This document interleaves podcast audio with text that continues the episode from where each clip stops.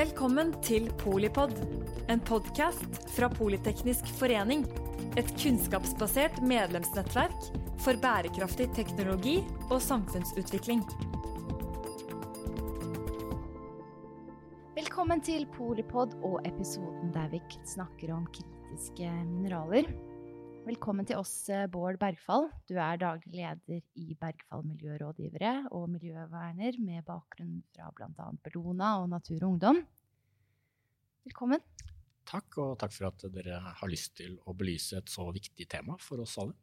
Jo, du har jo 30 års erfaring med bl.a. miljøgifter, kjemisk industri og avfallshåndtering, og har jo jobbet med det grønne skiftet egentlig siden før eh, mange av oss visste hva det grønne skiftet var. Vil du fortelle kjapt hva det er?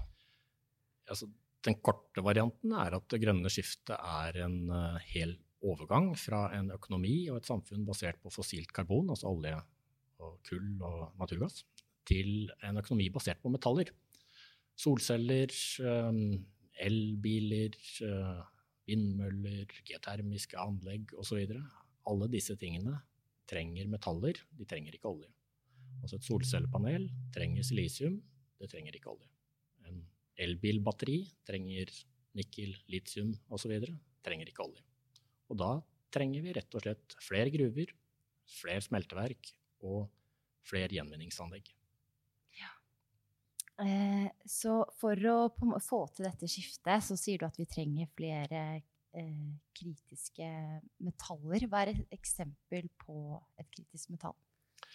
Altså, de mest kjente kritiske metallene, eh, det som vi kan kalle liksom stjernegalleriet, er de sjeldne jordartene. Det er en, en, gruppe på metaller som ligger helt nederst i periodesystemet, og er uh, metallverdenens David Beckham og Ronaldo og Bastian Schweinsteiger i ett. Dette er de metallene som har gjort det mulig å utvikle effektive elektriske biler, effektive vindmøller og egentlig nesten alt av moderne teknologi trenger litt av disse metallene. Ikke veldig mye. I en stor elbil så trenger du kanskje ett kilo, men har du ikke det kiloet, så har du heller ikke en elbil. Og det kommer jo i fremtiden til å kreves mye av dette. Med mye kritiske metaller, kritiske mineraler. Hvor mye er det egentlig vi trenger? Det er det mange oppfatninger om. Noen mener at uh, man trenger flere metaller enn det finnes på jordkloden. Det er helt feil. Og noen mener at man kan gjenvende seg til alt med det som allerede er tatt i bruk. Og det tror vi også er helt feil. Det trengs flere gruver enn det vi har i dag.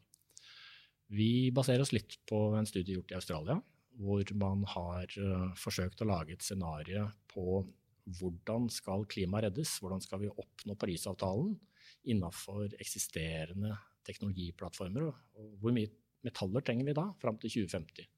Og det anslaget er i størrelsesorden 1 milliard tonn metaller. Og det høres fryktelig mye ut. Men husk på at verden bruker hvert eneste år 3 milliarder tonn jernmalm. Eh, så i perioden nå fram til 2050 at vi trenger 1 milliard tonn metaller til, i tillegg til det man ellers trenger, det er faktisk ikke så fryktelig mye. Så vi kan redde klimaet med metaller innenfor 2050 og innenfor det som er helt praktisk mulig å gjøre hvis vi vil. Det høres jo betryggende ut. Men eh, hvor skal vi finne disse mineralene, og hvor er det vi henter de mineralene og metallene vi bruker her i Norge i dag? Alle de tingene vi trenger, fins i kjente forekomster på land rundt omkring i verden. Vi finner ganske mye her i de nordiske landene, Norge, Sverige og Finland. Men vi finner det også i andre vestlige land. Australia, eh, Canada har store ressurser. Et av de kjente metallene er jo litium, som brukes som råstoff til litiumbatterier. Dette er jo de effektive elbilbatteriene. Eh, der trengs det i størrelsesorden 10 millioner tonn litium for å elektrifisere alle biler i hele verden. Ja. Så med 10 millioner tonn litium så kan du elektrifisere alt. Den største enkeltgruva i Australia har alene 8 millioner tonn litium. Og hvis du går til denne ørkenen som heter Atacama, som er i grenseområdet mellom Chile, Argentina og Bolivia, så inneholder den kjente ressurser på over 50 millioner tonn litium. Så vi kan altså elektrifisere alle biler i hele verden med kjente ressurser fra kjente gruver og kjente miljøkonsekvenser. Det betyr ikke at det er raskt og lett, for selv om metallene fins i bakken, så har vi ikke i dag prosesskapasitet. Vi har ikke gruvene og smelteverkene til å gjøre det. Men metallene fins der. Mm.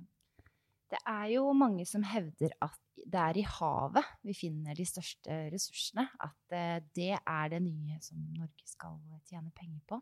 Hva tenker du om det?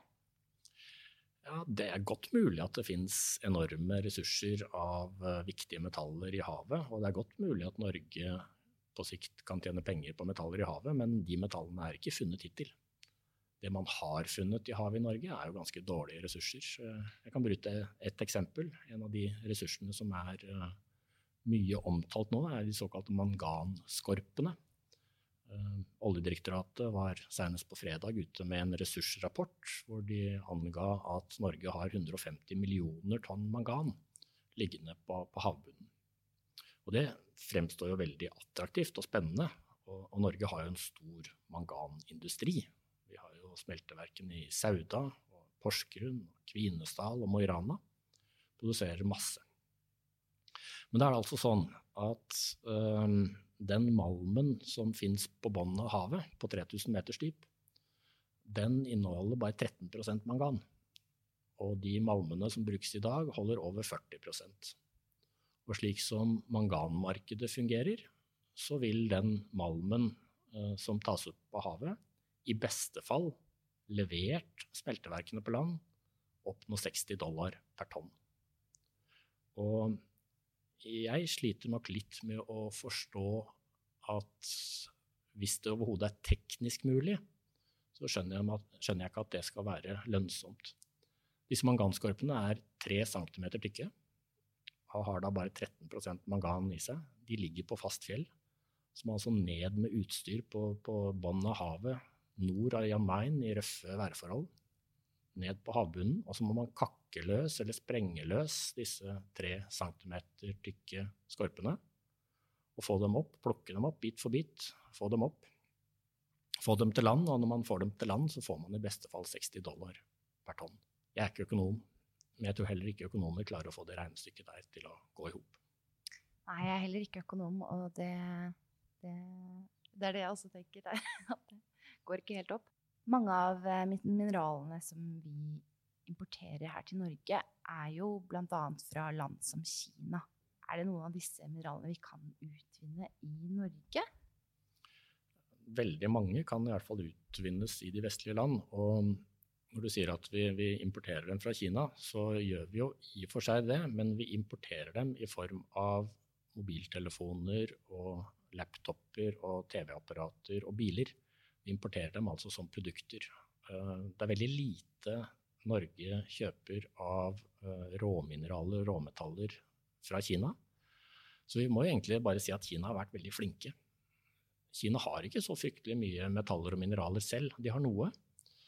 Men de har vært flinke på å sikre seg råstoffer fra Afrika, fra andre land i Asia. De har tatt gruveposisjoner i Australia, um, Chile, Brasil.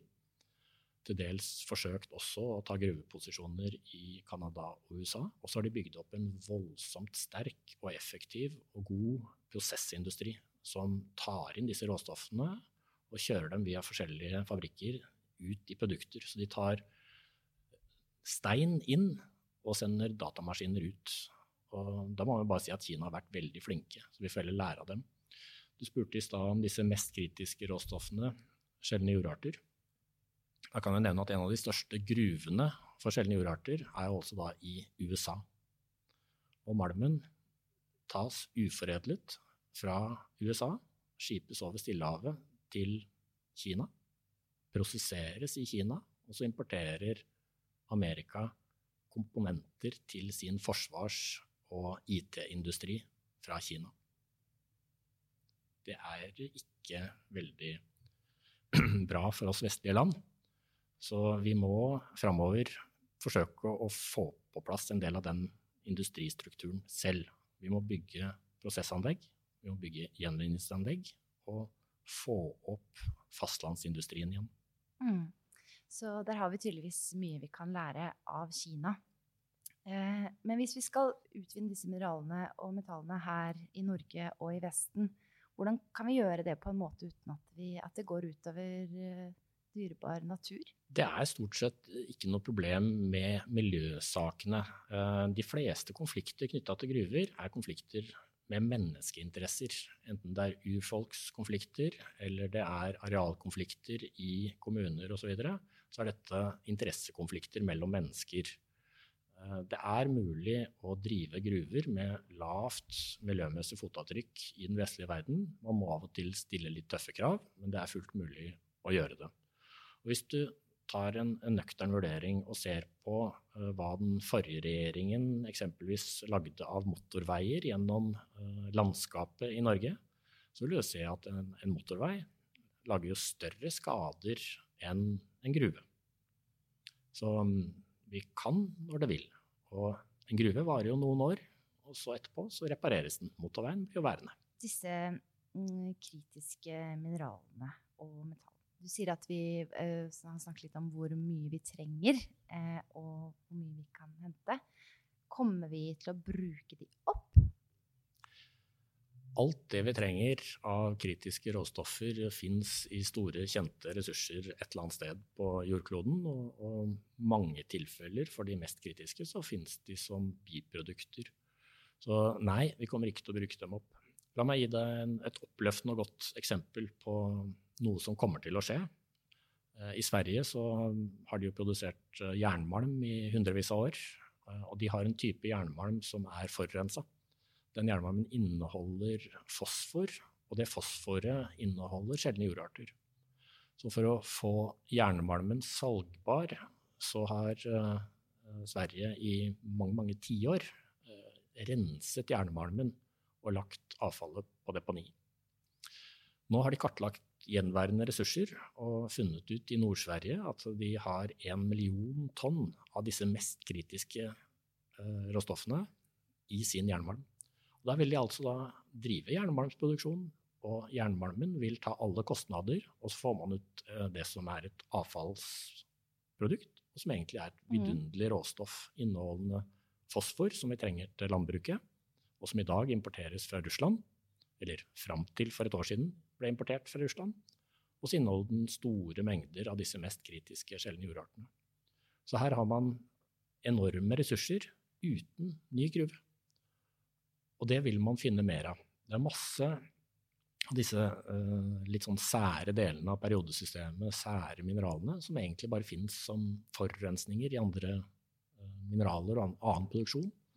Her i Norge så har vi jo stor produksjon av aluminium Mm. Råstoffet for aluminiumsproduksjon inneholder gallium. Og gallium er det som gjør det mulig med belysning. Det er jo LED-lampene.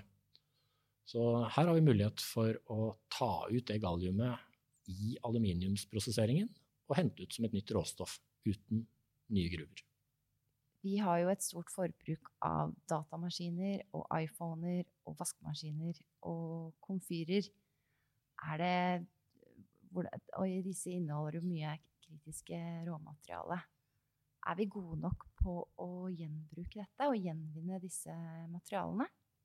Helt klart ikke. Vi leverer dem til gjenvinning. Alle vi ansvarlige borgere av landet leverer brukt utstyr til gjenvinning. Men det som skjer etterpå, er egentlig en skandale.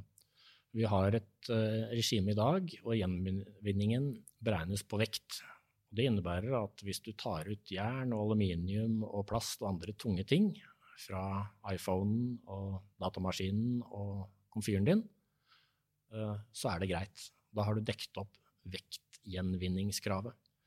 Så de sjeldne jordartene og andre helt kritiske råstoffer som indium, gallium, germanium, niob, tantal osv., der er gjenvinningsprosenten i Norge og i Europa null. Ingenting. Vi gjenvinner ingenting. Det er egentlig helt katastrofe. Så alle vi er ansvarlige borgere. Vi leverer til gjenvinning. Vi får beskjed om at det blir gjenvunnet. Men det som gjenvinnes, det er jern og store kobberklumper og aluminium og noen typer plast. Mens de kritiske råstoffene, de gjenvinnes ikke. Så her kan, man, så her kan jeg som forbruker gjøre uh, alt rett og gjenvinne tingene mine, men uh, det blir ikke gjort noe med? Ja, det blir gjort noe med i den forstand at uh, man tar ut nettopp de metallene som er enkle å ta ut. Mm. Uh, men her er det enormt behov for teknologiutvikling og for å industrialisere opp nye gjenvinningsteknologier. Og de må beskyttes. Jeg nevnte jo gallium i stad.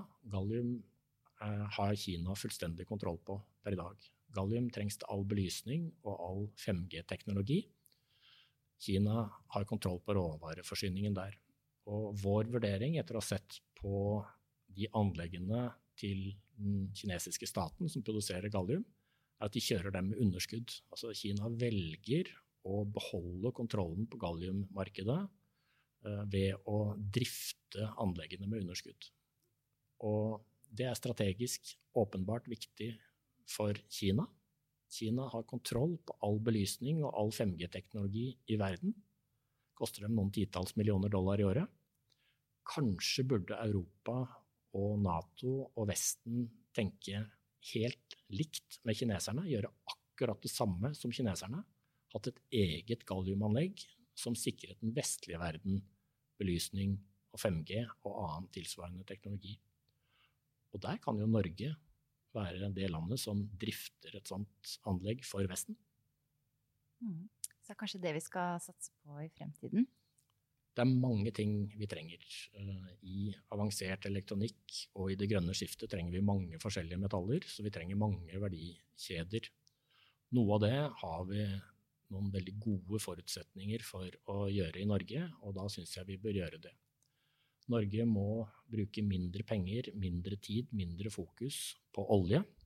Politikernes oppmerksomhet må snus fra oljen i havet og tilbake på land, og begynne å bygge prosessindustri og gjenvinningsindustri på land i Norge.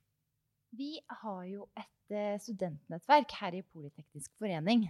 Eh, og det høres ut som du kanskje har noen gode råd til dem. Er det er det et yrke, en utdanning, et eller annet eh, man burde satse på? Dette er eh, teknisk mye vanskeligere enn mye annet. Så um, de beste kjemikerne og de beste ingeniørene kommer til å få vidunderlige jobber i årene som kommer.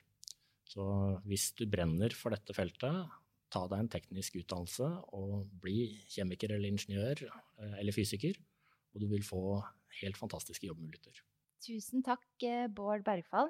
Eh, dette var en veldig interessant og tankevekkende samtale. Mitt navn er Anja Magnussen. Jeg er podkastredaktør her i Politeknisk forening.